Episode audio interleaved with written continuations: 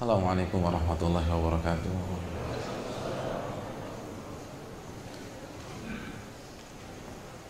Alhamdulillah hamdan kathiran tayyiban mubarakan fi. Kama yuhibbu rabbuna wa radah Wassalatu wassalamu ala nabiyyina Muhammad wa ala alihi wa sahbihi. Wa man sara ala nahjihi bi ihsanin ila yaumidin wa ba'd Hadirin yang dirahmati oleh Allah Subhanahu wa taala, Bapak-bapak, Ibu-ibu, rekan-rekan, ikhwan dan akhwat yang saya muliakan. Tidak ada kata yang pantas untuk menjadi mukaddimah, kata pengantar dari kajian yang akan kita mulai beberapa saat lagi. Kecuali kata demi kata yang kita rangkai dalam rangka bersyukur kepada Allah Subhanahu wa taala atas segala nikmat dan karunia yang Allah berikan dan Allah limpahkan kepada kita. Nikmat nafas, nikmat nyawa. Bayangkan apabila hari ini kita sudah tidak bernyawa, siapkah kita berhadapan dengan dua malaikat Allah Subhanahu wa taala? Dan bukan hanya nikmat nyawa, karena kalau hanya ini nikmat terbesar, apa bedanya kita dengan kucing, apa bedanya kita dengan ayam? Apa bedanya kita dengan binatang hadirin sekalian yang masih hidup pada detik ini? Tapi Allah berikan kita anugerah nikmat iman, nikmat Islam, nikmat kesadaran untuk melangkahkan kaki ke salah satu taman-taman surga. Nikmat meniti jalan pintas menuju surga. Man salaka tariqan yaltamisu fihi ilman sahhalallahu lahu bihi tariqan ilal jannah. Barang siapa yang melakukan perjalanan Barang siapa yang melangkah Atau menaiki kendaraannya dari rumahnya ke tempat yang mulia ini dalam rangka menuntut ilmu agama sahhalallahu lahu bihi tariqan ilal jannah. Maka Allah akan pintaskan jalannya menuju surga. Hadirin yang dirahmati oleh Allah. Ketika kita menginginkan sesuatu maka kita akan berusaha mendapatkan hal itu melalui jalan yang paling pintas. Dan kalau kita mengharapkan surga maka inilah jalan pintas menuju surga. Maka bersyukurlah kepada Allah yang telah memberikan kita hidayah bisa tiba di tempat yang mulia ini dan bisa menuntut ilmu agama. Hadirin yang dirahmati oleh Allah Subhanahu wa taala. Selanjutnya salawat dan salam semoga senantiasa tercurahkan kepada kedua kita uswah hasanah kita Rasulullah sallallahu alaihi wasallam beserta para keluarga beliau, para sahabat-sahabat beliau dan orang-orang yang istiqomah berjalan di bawah naungan sunnah beliau sampai hari kiamat kelak.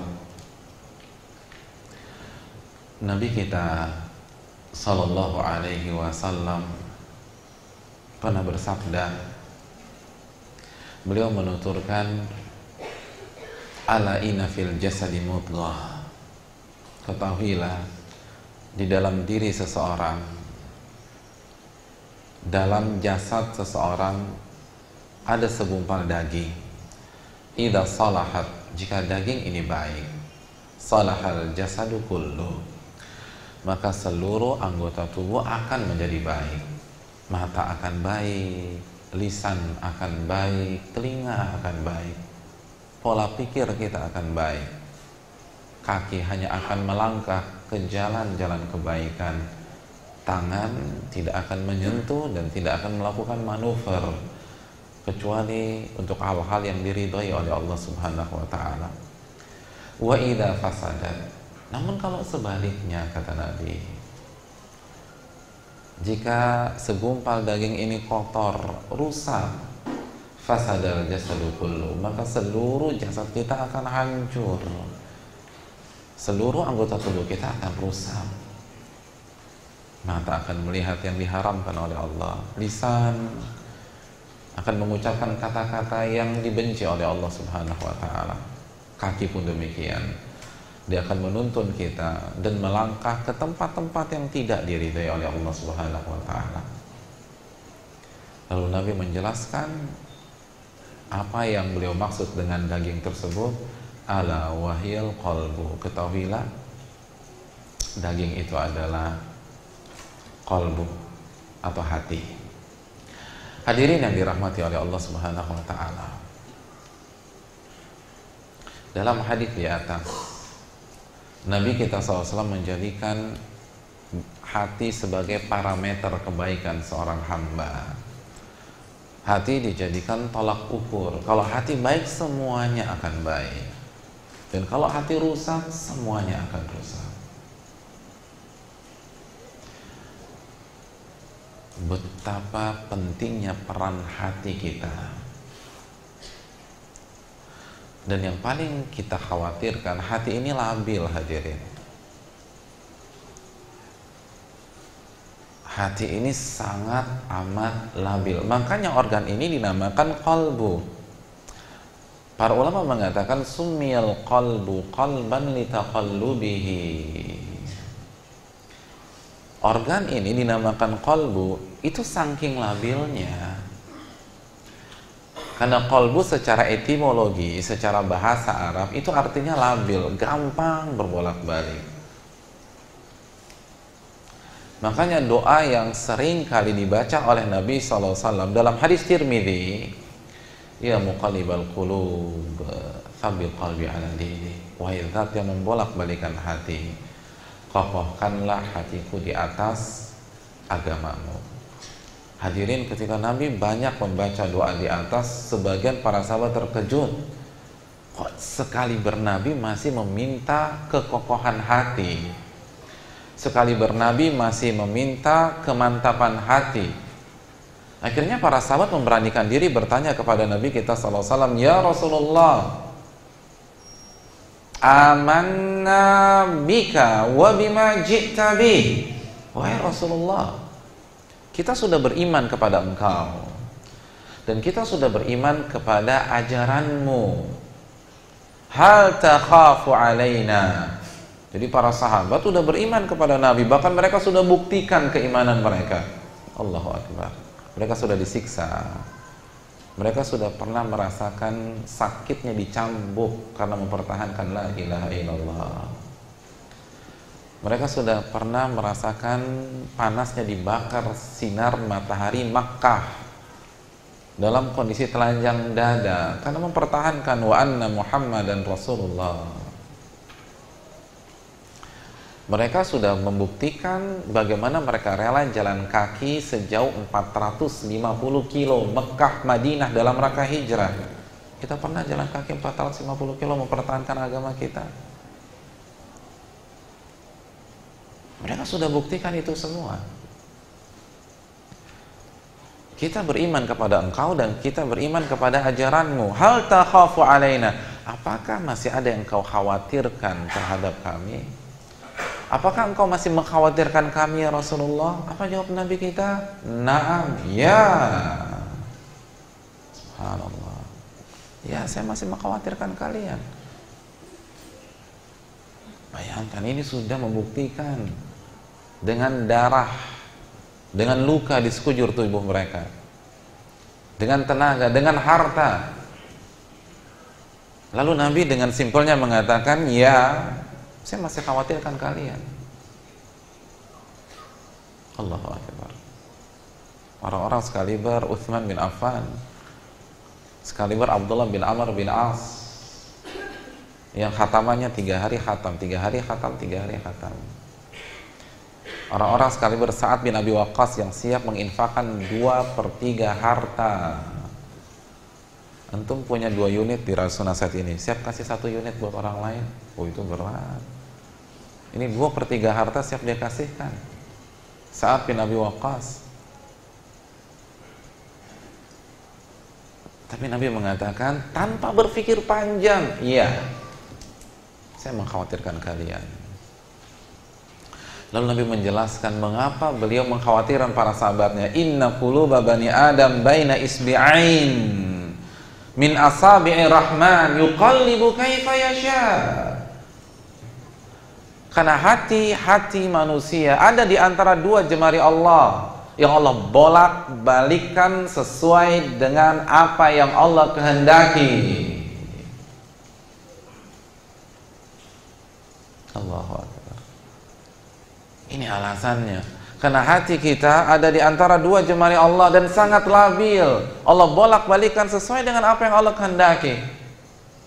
Makanya nanti di zaman fitnah akan ada pada satu zaman yusbihu mu'minan wa yumsi kafira. Ada orang-orang yang paginya masih sujud kepada Allah, sorenya sudah murtad dari Allah Subhanahu wa taala. Hadirin jangan mengandalkan status kita sebagai seorang muslim ketika kita lahir. Jangan mengandalkan background kita. Ada sebagian orang karena merasa SD-nya sudah SD Islam yang terkenal di Jakarta, SMP-nya SMP Islam yang terkenal di Jakarta, SMA-nya SMA Islam yang terkenal di Jakarta. Lalu dia menggaransi dirinya sendiri. Allahu Akbar. Siapa Anda dibanding Abu Bakar As-Siddiq? Siapa Anda dibanding Umar bin Khattab radhiyallahu taala Siapa Anda dibanding Utsman bin Affan? Siapa Anda dibanding Ali bin Abi Thalib? Itu saja masih dikhawatirkan Nabi SAW Dan Nabi sebabkan hati kita ini punya potensi berpaling yang sangat besar Itu mereka hidup di zaman Nabi di mana fitnah syahwat tidak seperti kita sekarang. Karena hadirin yang dirahmati oleh Allah Subhanahu wa taala. Salah satu faktor yang membuat hati kita berbalik dari Allah, berpaling dari Allah adalah fitnah dunia. Adalah fitnah dunia. Itu yang membuat hati seorang hamba bisa berpaling dan melenceng dari Allah Subhanahu wa taala. Dan para sahabat yang dikhawatirkan Nabi tersebut itu tidak hidup di zaman kita. Oke, banyak di antara mereka yang sangat kaya. Tetapi dunia belum dibuka oleh Allah Subhanahu wa taala. Saya ingin tanya sama antum, mana yang lebih kaya antum atau Utsman bin Affan? Antum atau Utsman bin Affan? Uthman bin Affan.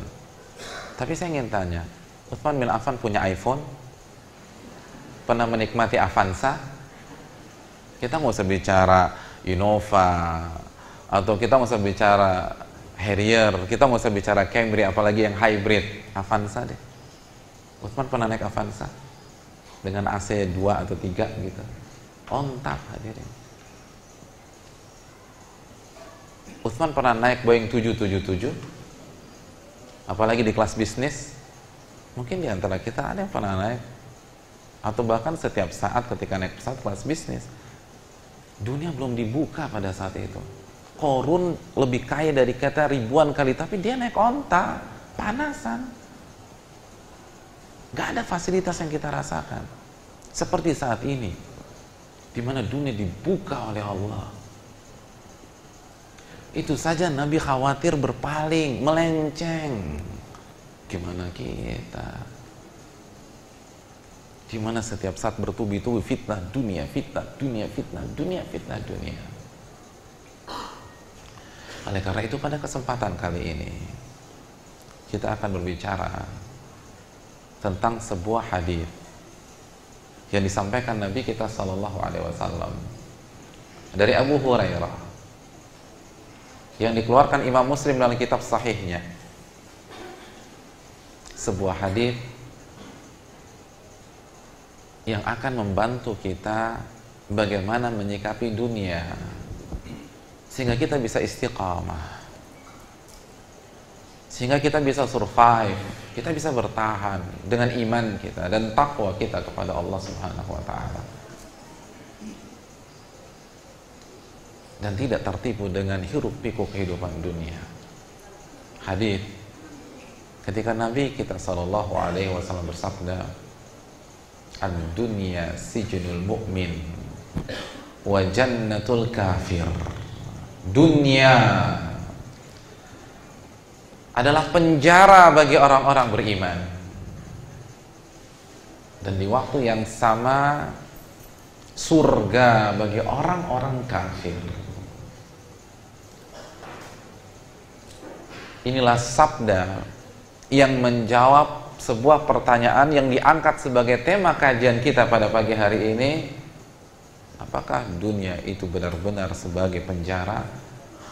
Maka jawabannya tergantung tergantung status Anda. Karena Nabi mengatakan ad-dunya sijnul mu'min wa jannatul kafir. Dunia adalah penjara bagi orang-orang beriman. Dan di waktu yang sama surga bagi orang-orang kafir. Ya. Kalau bagi kita yang mengaku beriman, surga adalah penjara tanpa diragukan lagi mohon maaf, dunia adalah penjara tanpa diragukan lagi. Karena ini sabda Nabi SAW. Nabi yang mengatakan, dan Nabi yang paling tahu tentang dunia. Nabi yang paling ngerti tentang hakikat kehidupan ini. Dan Nabi mengatakan, tanpa ada peluang untuk dipelintir, dibelokkan. Beliau mengatakan, dunia si jenul mu'min. Dunia adalah penjara orang-orang beriman penjara bagi orang-orang beriman. Hadirin yang dirahmati oleh Allah. Jadikan hadis ini sebagai oleh-oleh kita pulang ke unit kita atau ke rumah kita. Resapi hadis ini, maka akan membantu kita untuk istiqamah. Hadirin yang dirahmati oleh Allah. Ketika kita mendengar hadis ini, yang terbesit di benak kita apa sih? Dunia penjara bagi orang-orang beriman. Apa yang langsung terbesit di benak kita? Ah, ribet. Terus apa lagi? Terbelenggu. Seperti hidup di sel. Sengsara, mungkin gitu ya. Nggak nyaman kenapa sih Pak kita nggak bisa hidup foya-foya mati masuk surga gitu kan ya tentu enak hadirin jangan cepat-cepat menyimpulkan hadis ini. Sebelum kita baca penjelasan para ulama mari kita simak penjelasan para ulama tentang hadis ini. Ulama kita mengatakan jangan cepat-cepat suudon dengan Nabi. Jangan cepat-cepat buruk sangka dengan pemimpin kita, kekasih kita, Nabi kita Sallallahu Alaihi Wasallam. Jangan berpikir yang negatif ketika Nabi mengatakan dunia itu penjara bagi orang-orang beriman. Enggak. Maknanya enggak seseram yang ada di benak kita. Bahkan maknanya akan memotivasi kita untuk mengetahui hakikat kehidupan yang sebenarnya. makna yang pertama kata para ulama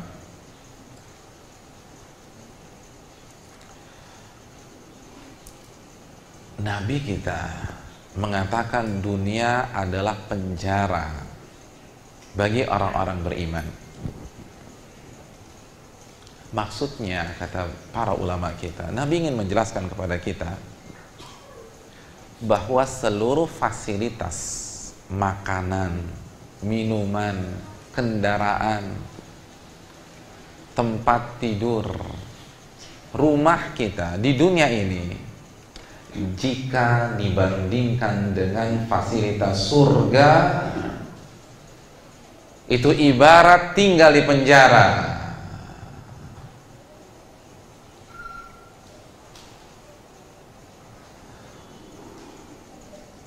Makanan yang kita konsumsi jika dibandingkan dengan makanan surga itu seperti makanan penjara.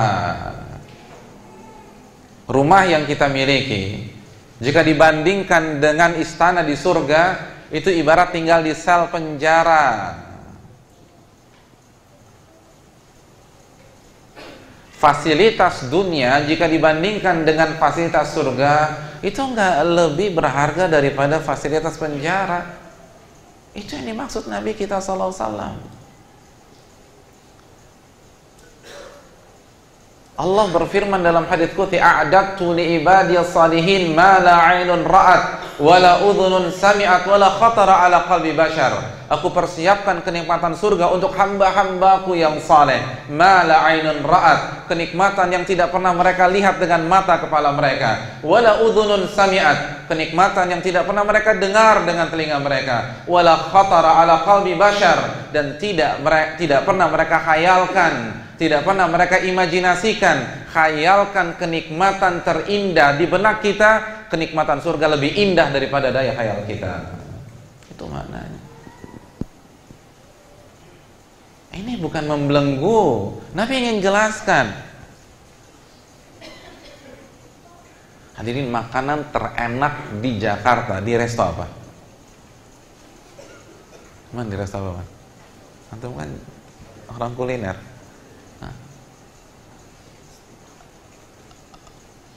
Oke, okay, yang lebih spesifik lagi deh. Kalau makanan kan nggak bisa di nggak bisa dimonopoli satu resto ya. Atau mau lebih makan apa? Makanan yang yang semua sepakat enak deh dan mahal apa tuh? Steak, steak, steak yang paling enak apa? Gendi, Gendi udah enggak ya? Hah?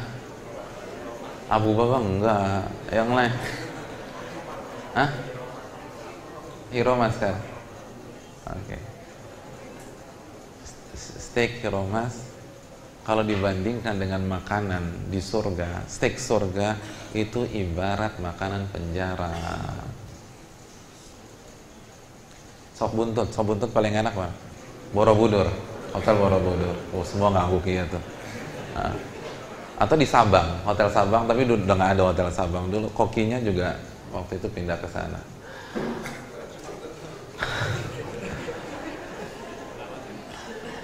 Lo kan boleh kan makan sop buntut? Nah. Sop buntut, borobudur dibanding apa yang Allah akan berikan kita di sorga itu ibarat sop penjara. Gak ada enak-enaknya. Nek kita makan. Muntah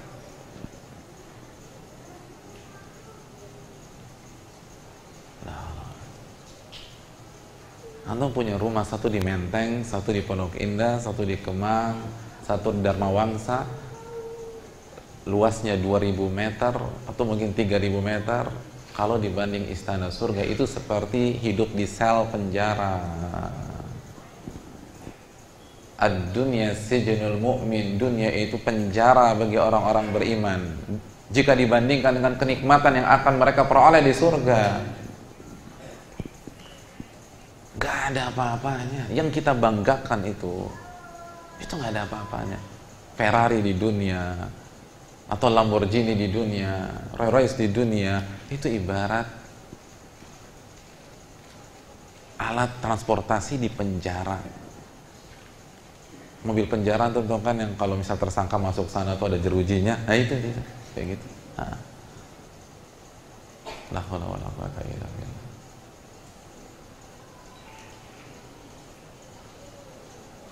Hadirin yang dirahmati oleh Allah. Mari kita simak hadis riwayat Imam Muslim.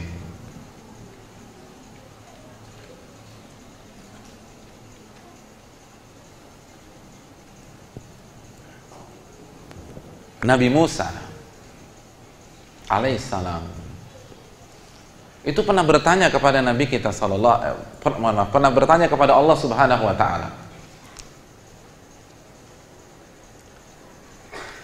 Sa'ala Musa rabbahu ma adana ahlil jannati manzilatan.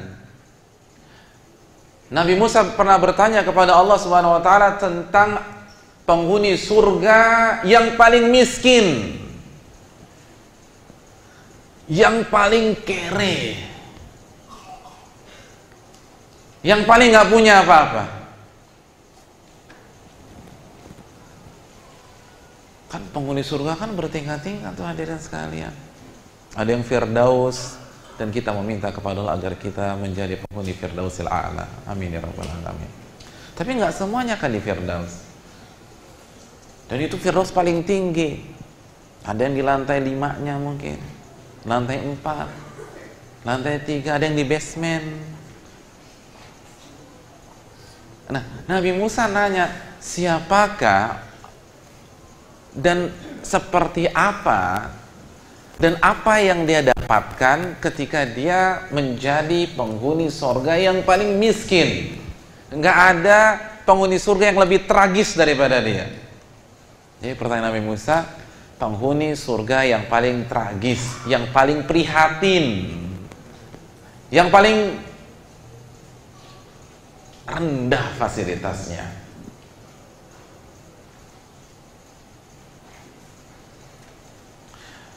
Lalu Allah menjawab, Huwa rajulun yaji'u ba'dama udkhila ahlul jannatil jannata dia adalah orang yang paling terakhir masuk surga. Setelah semua penghuni surga yang lain telah masuk ke dalam surga sebelum dia. Kenapa? Kok dia terlambat? Karena kan transit dulu di neraka. Dan dia yang paling terakhir. Jadi dari semua yang diazab dulu di neraka, dia yang paling terakhir keluar. Jadi bayangin nggak tuh maksiatnya apa? Dia masih beriman, uh, tapi kemaksiatannya parah banget gitu. Mungkin bawa uang rakyat, tetenan atau triliunan-triliunan. Mungkin pernah selingkuh berzina dengan ratusan wanita. Mungkin biseks juga. Perempuan oke, okay, laki-laki nggak masalah tapi kalau masih punya iman, masih punya iman, ada peluang masuk surga enggak? Masih ada kan? Pembunuh nggak asal nusuk aja mungkin dia dipotong-potong dulu gitu loh, dicincang, dijadikan daging cak misalnya. Jadi parah banget nih kemaksiatannya. Akhirnya dialah orang terakhir yang bisa keluar dari neraka. Semua udah masuk tuh. Semuanya udah. Tinggal dia terakhir. Begitu dia dipersilahkan masuk surga. Yuqalu lahu udkhulil jannah. Wahai fulan, silahkan masuk ke surga. Fayaqulu ay rab kaifa waqad nazala an-nasu manazilahum wa akhadha wa akhadhu akhadhatihim. Begitu dia masuk ke dalam surga dia bingung. Lalu dia bertanya kepada Allah sambil meratap ya Allah, saya mau tinggal di mana? Kayaknya surga udah penuh semua, udah dikapling-kaplingin sama orang, dan semua sudah menikmati fasilitas-fasilitas surga. Dia pesimis masih dapat kapling di surga, karena semua udah dapat bagian mereka masing-masing. Lalu Allah Subhanahu wa taala memberikan tawaran kepada dia, orang yang paling tragis, paling belakangan masuk surga. Fayuqalu lahu atarda an yakuna laka mithla mithlu mul malakin atau uh, mithlu malikin min maliki dunia atau maliki min muluki dunia Allah bertanya an yakuna laka mithlu mulkin min malikin muluki dunia maukah aku berikan fasilitas kekayaan akses seorang raja dari raja-raja dunia? Gimana? Mau nggak? Ridho nggak? Gimana kalau saya kasih engkau kekayaan fasilitas raja dari raja-raja dunia. Kalau antum ditawarin itu nggak antum? Ini orang yang paling tragis di surga. Nah. Ditawarin oleh Allah fasilitas raja dunia. Hadirin, ambil sampel satu deh biar semakin paham kita kita nggak usah jauh-jauh. Seorang raja. Dunia yang terkenal. Dan masih hidup. Dan tetanggaan sama kita. Satu rumpun dengan kita. Sama-sama warga ASEAN. Siapa dia? Hasan Bolkiah dan ingat dia bukan raja paling kaya pada detik ini tapi sudah cukup melambangkan bagaimana raja itu hidup di dunia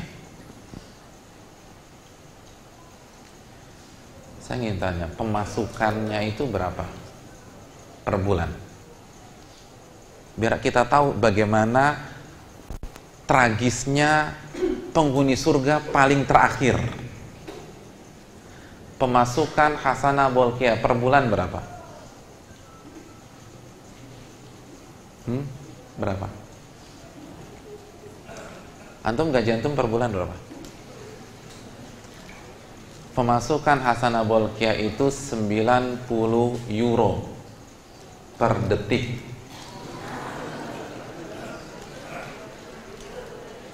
ya sekitar satu jutaan lebih lah sama dong kayak saya pak saya juga UMR per detik per detik setiap detik kekayaannya bertambah 90 euro 90 euro 90 euro 90 euro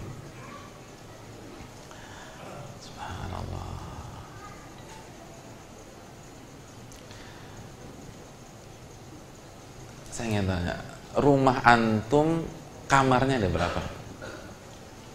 Tipe apa sih rumah antum? 4L ya. Lu lagi, lu lagi.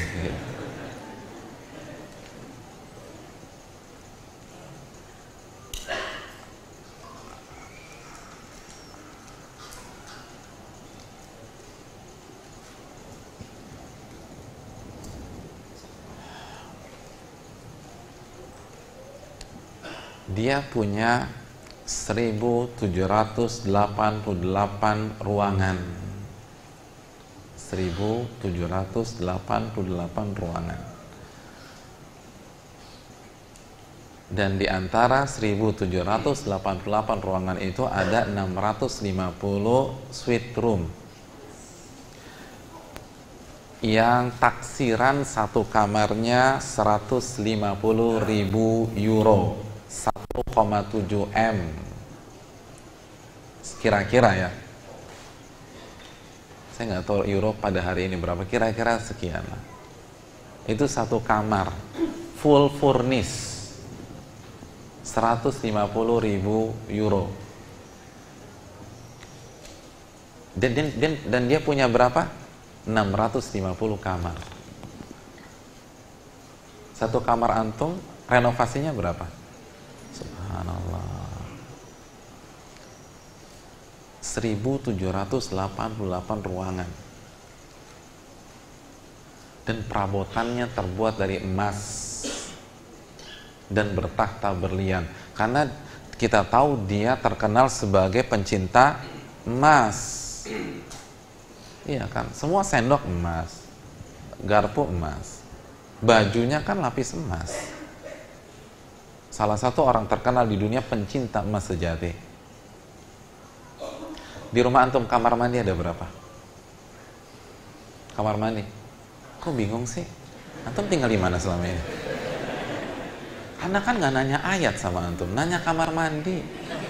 Kalau ayat diem wajar. Berapa kamar mandi di rumah antum? Dua ya 11-12 lah dia 257 kamar mandi. 257 kamar mandi. Dan lapisan emas. Hadirin.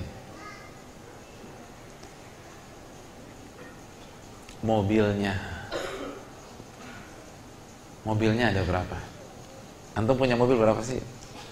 Hmm? Data 2010 mobilnya ada 574 574 yang merek Mercy. Ya.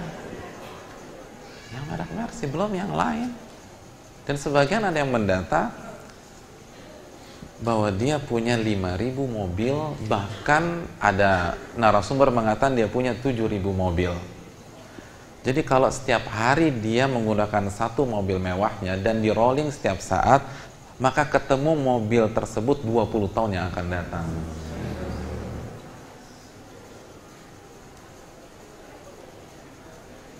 Antum ketemu mobil antum terakhir kapan?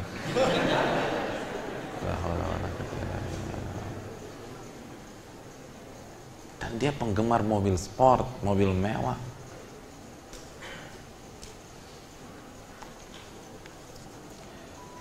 Dia punya 400-an Ferrari, dia punya 20-an Lamborghini, dia punya 170-an Jaguar, dia punya 160-an Porsche, dia punya 130-an Rolls Royce, mobil yang sangat luar biasa.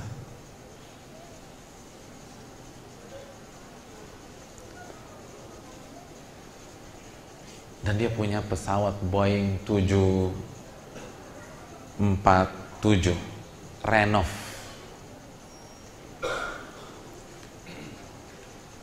Dan renovasinya menghabiskan biaya kurang lebih 120 juta US dollar karena mobil eh, pesawat beliau kan dilapisi emas dan sangat mewah luar biasa di dalamnya.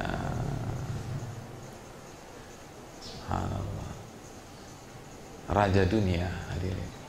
Raja dunia. Raja dunia. 90 euro per detik.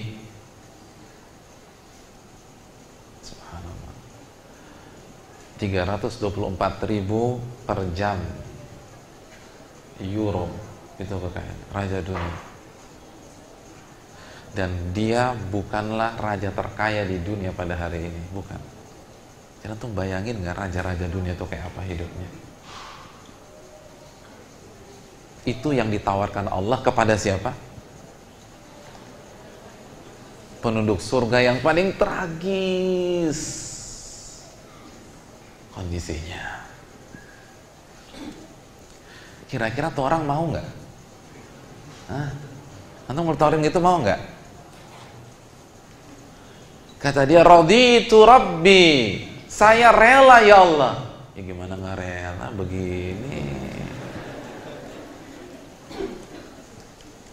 Lalu apa kata Allah Subhanahu wa taala kepada dia?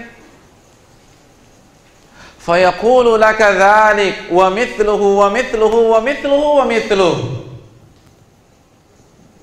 Anda rela? Iya ya Allah. Saya berikan Anda. Dua kali lipat. Tiga kali lipat. Empat kali lipat. Lima kali lipat. Lima kali lipat hadirin sekalian dan di saat Allah mengatakan lima kali lipat orang itu langsung mengatakan raditu rabbi Terima kasih Allah, saya rela ya Allah. Lalu Allah katakan apa? Hada laka wa ashratu amthalik. Kalau begitu, saya kalikan 10 lagi, 50 kali lipat. 50 kali lipat 90 euro per detik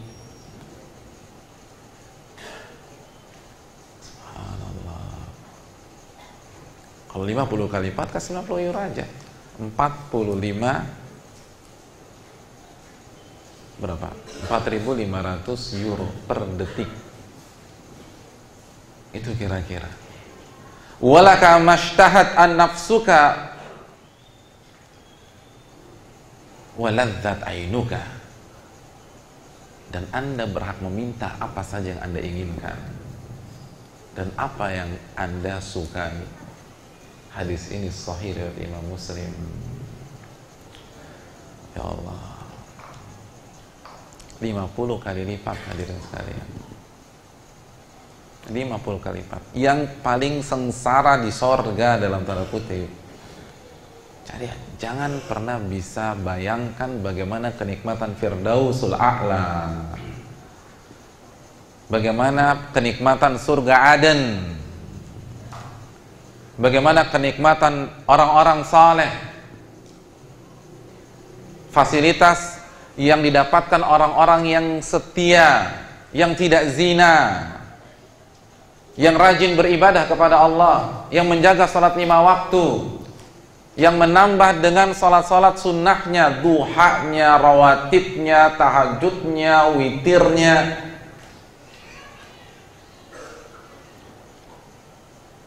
Orang-orang yang mengerjakan haji dan umrah, orang-orang yang berinfak dan bersedekah, ini yang tragis. Kan tadi sudah kita bilang. Ini orang paling parah maksiatnya tapi masih punya iman. Maka sadaqah Rasulullah. Nabi benar ketika mengatakan ad-dunya sijunul mu'min. Dunia itu penjara. Apa sih yang Anda punya? Oke, Anda punya Lamborghini, Anda punya berapa sih? Hadirin yang dirahmati oleh Allah Subhanahu wa taala. Ini yang harus kita renungkan. Tapi lagi-lagi apa kata Allah bal tu'thirunal hayata dunia. Namun kalian lebih memprioritaskan dunia lagi. Ya itu level kita memang kita rendahan. Hobinya ya pakai level penjara. Gak mau beribadah demi rapat dunia. Gak mau datang ke majelis taklim demi olahraga dunia. Silakan olahraga, tapi kan hendaknya Anda prioritaskan ibadah kepada Allah. Alasan tenis lah, futsal lah, golf lah. Hadis lapangan golf Anda dan stick golf Anda itu itu fasilitas penjara.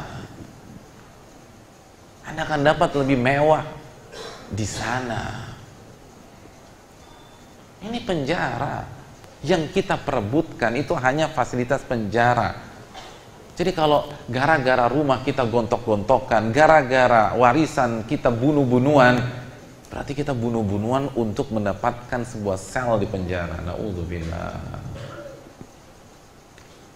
Hadirin yang dirahmati oleh coba kita renungkan. Fasilitas dunia ini nggak ada apa-apanya. Nggak ada apa-apanya. Nabi mengatakan dalam hadis surat Imam Muslim, "Yuk tabi'an ami ahli dunia min ahli nar." Orang yang paling kaya di dunia tapi masuk neraka didatangkan di hadapan Allah Subhanahu wa taala pada hari kiamat kelak. Jadi kira-kira kandidatnya siapa nih? Korun. Terus kalau era sekarang Bill Gates kalau nggak masuk Islam. Carlos Slim kalau nggak masuk Islam. Nah, pokoknya gitu deh. Kalau nggak masuk Islam. Taipan-taipan minyak yang tidak masuk Islam itu dihadirkan. Yang full fasilitas full. Apa yang terjadi? Fayus bagu finari sibgha. Lalu mereka Allah celupkan sekali celup ke neraka sekali celup aja nggak digoreng ini nggak digoreng nggak dipotong-potong nggak dikasih celup aja lalu diangkat lagi lalu Allah tanya kepada mereka Yuqalu ya bena Adam hal khairan qat? Wahai manusia, apakah Anda pernah melihat kebaikan sekali aja dalam hidup Anda? Hal marra bika na'imun qat? Wahai manusia, apakah Anda pernah menikmati sedikit saja kebaikan dan fasilitas? Fayaqulu la wallahi ya Rabbi. Demi Allah ya Allah, enggak pernah kami menikmati hal itu semua. Lupa. Sekali celup seluruh kenikmatan dunia dari orang yang paling kaya di dunia hilang semua. Jadi bayangkan gak sih betapa rendahnya harta dunia ini dan itu real. Kita nggak usah bicara neraka deh yang yang mengerikannya begitu dahsyat. Kita bicara penyakit di dunia. Ada orang hidupnya full fasilitas dan selalu makan makanan paling enak di Jakarta. Bahkan mungkin di dapurnya ada chef bintang 5 khusus memasak untuk dia untuk sarapannya untuk makan siangnya untuk malamnya untuk appetizernya untuk main course-nya untuk dessertnya itu chef bintang 5 di usia 50 kena kanker getah bening. Coba tanya sama dia, masih bisa ingat rasanya nasi goreng apa enggak? Kanker getah bening, stadium 4. Kanker usus, stadium 4. Tanya sama dia. Ini 50 ton full fasilitas. Semua makanan terbaik. Dengan bahan baku terbaik, daging terbaik, ayam terbaik, semua terbaik. Di usia 50 tahun kena kanker. Ini baru penyakit di dunia. Coba tanya sama kita kalau kita punya teman, kita punya saudara yang orang kaya, lalu kena penyakit tersebut, tanya, Mas, masih ingat nggak rasanya bubur ayam? Lupa hadirin, nggak ada, hilang semuanya.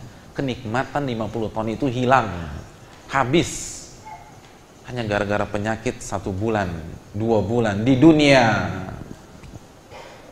Bagaimana di dalam kubur? Bagaimana pada hari kiamat nanti? Ini di dunia hilang, hilang sehilang-hilangnya. Gak ada rasanya sama sekali.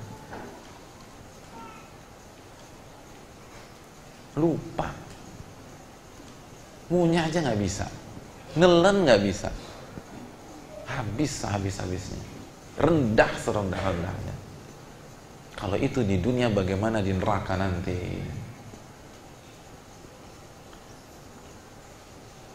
fasilitas dunia, fasilitas rendahan kata Nabi SAW.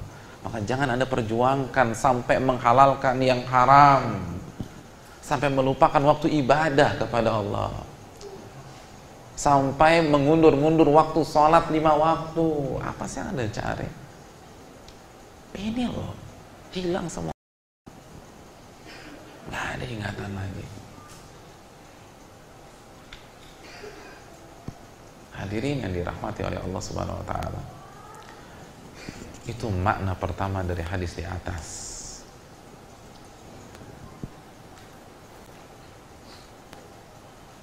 Makna yang kedua,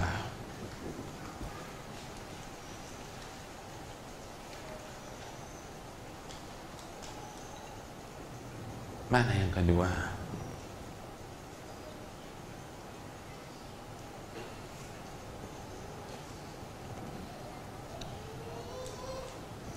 makna dunia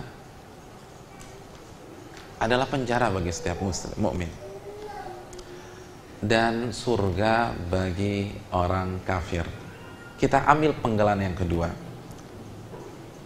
Bagi orang kafir bagi orang kafir setragis apa pun dia di dunia jika dibandingkan siksa di neraka itu ibarat surga. Jadi kalau kita nggak beriman kepada Allah, kalau kita maksiat kepada Allah, setragis apa pun, jika dibandingkan dengan azab neraka itu ibarat surga. Makanya Nabi mengatakan wajannatun li kafir dunia itu surga bagi orang kafir. Jadi misalnya dia adalah orang yang paling miskin di dunia orang paling miskin di dunia. Matanya buta. Telinganya tuli. Lisannya bisu. Seluruh tubuhnya kusta stadium 4 kaki buntung. Atau tangan buntung kaki lumpuh terus kena kanker mata kanker lidah kanker getah bening kanker paru-paru kanker usus kanker serviks kalau buat wanita kanker prostat. Lalu dibuang oleh keluarganya di tengah hutan Kalimantan. Terus apa lagi? Lanjutin dong saya lagi buntu nih udah udah tragis belum? Bayangkan mata buta kanker pula. Coba ada yang punya ide? Mungkin yang psikopat-psikopat. Yang gak punya perasaan. Pokoknya dari udu ubun-ubun sampai jempol kaki berantakan semua hidupnya. Dijual sama sama keluarganya sama anaknya lalu disodomi diperkosa dilecehkan disiksa dicambuk digiling disetrika. Loh, kok antum bukannya ketakutan? Ketawa ini kan lagi pokoknya yang paling parah deh. Dari ubun-ubun sampai jempol kaki. Lalu kuku-kuku kakinya itu dicabutin satu-satu dikebiri kemaluannya. Jika dibandingkan dengan adab neraka itu surga kata Nabi Shallallahu Alaihi Wasallam. Surga. Karena adab neraka lebih parah dari itu. Adab neraka lebih mengerikan lebih menakutkan lebih tragis.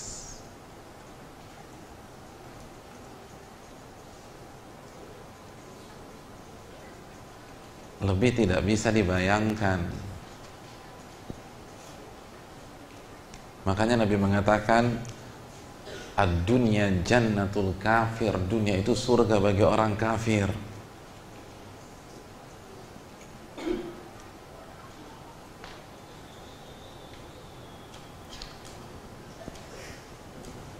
Allah berfirman di dalam surat Al-Fajr ayat 25 fayawma idzil la yu'adzibu 'adzabahu ahad pada hari itu, hari kiamat. Ketika Allah mulai menyiksa manusia. Allah katakan la yu'adzibu adzabahu ahad. Tidak ada seorang pun yang bisa menyiksa lebih pedih daripada siksa Allah. Sebagian ahli tafsir mengatakan bahwa pada hari kiamat di hadapan seluruh manusia, seluruh manusia berkumpul di sana di padang mahsyar. Lalu Allah tantang seluruh psikopat-psikopat dunia seluruh penguasa-penguasa terkejam, sipir-sipir penjara yang memiliki siksaan paling kejam. Jadi sipirnya Abu Ghuraib, Guantanamo, itu dipanggil-panggilin sama Allah. Lalu Allah tantang mereka, coba Anda buat siksa yang paling kejam menurut Anda. Lalu semua berusaha mengeluarkan idenya masing-masing. Dan ketika mereka melihat neraka idzil la yu'adzibu adzabahu ahad. Ternyata tidak ada seorang pun yang bisa mengadab lebih pedih daripada azab Allah. Gak ada. Semua gagal Allah kasih kontes siapa yang bisa nyiksa manusia paling pedih terserah mau dikulitin mau dimutilasi mau diinjak-injak ternyata semua gagal tidak ada yang lebih pedih daripada azab neraka فيومئذ لا يعذب عذابه أحد ولا يوثق وثاقه أحد الله أكبر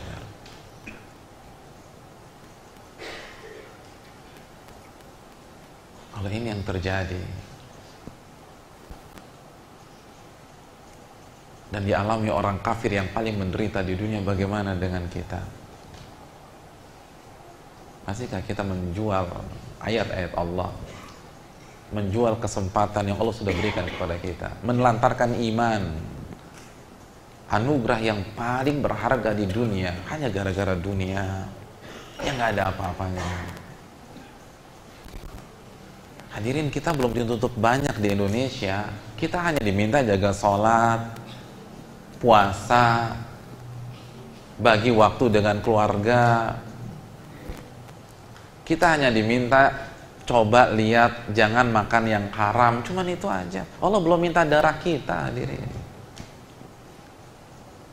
Allah belum minta kita hijrah dari tempat kita. Indonesia enak banget. Semua ada. Coba bandingkan saudara-saudara kita yang ada di belahan dunia yang lain. Mereka bersimbah darah. Mereka angkat senjata. Kita, kita cuma diminta sholat lima waktu kok nggak bisa juga sih. Dan alasannya lagi-lagi dunia, dunia, dan dunia lagi. Terlepas itu harta, terlepas itu wanita, terlepas itu jabatan dan tahta, ambisi-ambisi kita tersebut. Hadirin, kesengsaraan yang paling tragis di dunia itu ibarat surga kalau dibanding neraka Allah.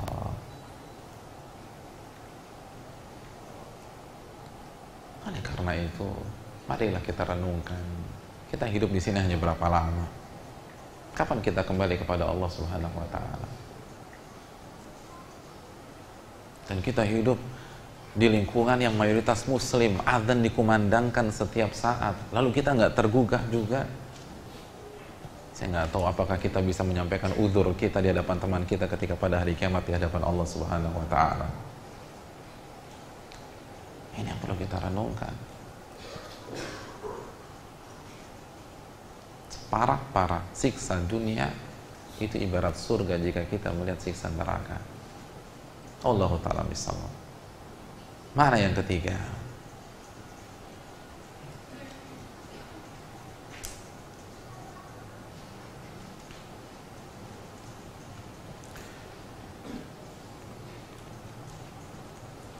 Mana yang ketiga? Dunia adalah penjara bagi orang mukmin dan surga bagi orang kafir. Al-Imam Al-Munawi menjelaskan bahwa seorang mukmin ketika hidup di dunia memang tidak bisa bebas berekspresi 100%. Berbeda dengan orang-orang kafir. Mereka bebas melampiaskan syahwat mereka. Mereka bebas meluapkan emosi mereka. Adapun kita, kita dibatasi dengan syariat Allah Subhanahu wa taala. Kita dibatasi dengan sunnah Rasulullah sallallahu alaihi wasallam. Ibarat di penjara Ustadz kenapa sih Allah subhanahu wa ta'ala membatasi kita? Jawabannya karena Allah sayang sama kita. Allah nggak mau kita liar. Sebagaimana ketika bapak-bapak, ibu sekalian memiliki anak, maka sebagai bentuk kasih sayang antum dengan anak antum, antum bebaskan atau antum batasi mereka? Antum akan batasi, antum tidak akan bebaskan. Pulang sekolah hari Senin, anak antum yang kelas 3 SD pulang sambil ngisep ganja. Kira-kira antum bebaskan? Pak kok nggak dilarang pak? Pak Ustadz sayang sama anak. Jangan membunuh daya kreativitas anak. Apakah seperti itu? Tidak. Kita akan larang. Kenapa kita larang? Karena kita sayang sama dia. Allah sayang sama kita, tapi karena kebodohan kita lagi-lagi, suudzon dengan Allah. Kan Allah sudah katakan dalam surat Al-A'raf 157, "Wa yuhillu lahumut thayyibat wa yuharrimu 'alaihimul khaba'ith." Yang Allah halalkan hanya yang baik-baik saja dan yang Allah haramkan itu karena meracuni kita dan buruk-buruk saja. Kalau itu baik, benar-benar bermanfaat, nggak mungkin Allah haramkan, nggak mungkin. Allah haramkan itu untuk kebaikan kita. Tapi lagi-lagi kita bertingkah seperti anak kecil yang sedang bermain pisau dapur, lalu dilarang oleh sang ibu. Lalu karena kebodohan tuh anak, dia marah, dia melawan dan ketika pisau dapurnya dirampas, dia teriak-teriak sambil nangis guling-gulingan mama jahat, mama jahat, mama jahat. Persis seperti kita ketika dilarang oleh Allah. Tidak boleh ini, Ketika dilarang jangan makan yang ini. Ketika dilarang jangan ambil uang tersebut. Karena kebodohan. Persis seperti anak kecil kita katakan ini terlalu memberatkan, ini terlalu ribet, Islam kan nggak begitu. Allahu Akbar. Padahal kalau kita ambil uang tersebut, kita yang teracuni dengan uang itu. Kita yang hancur, kita yang binasa. Ketika Allah perintahkan sesuatu karena Allah tahu kebahagiaan kita ada di sana. Saat Allah perintahkan kita sholat, karena Allah tahu Anda nggak akan bahagia kalau nggak sholat.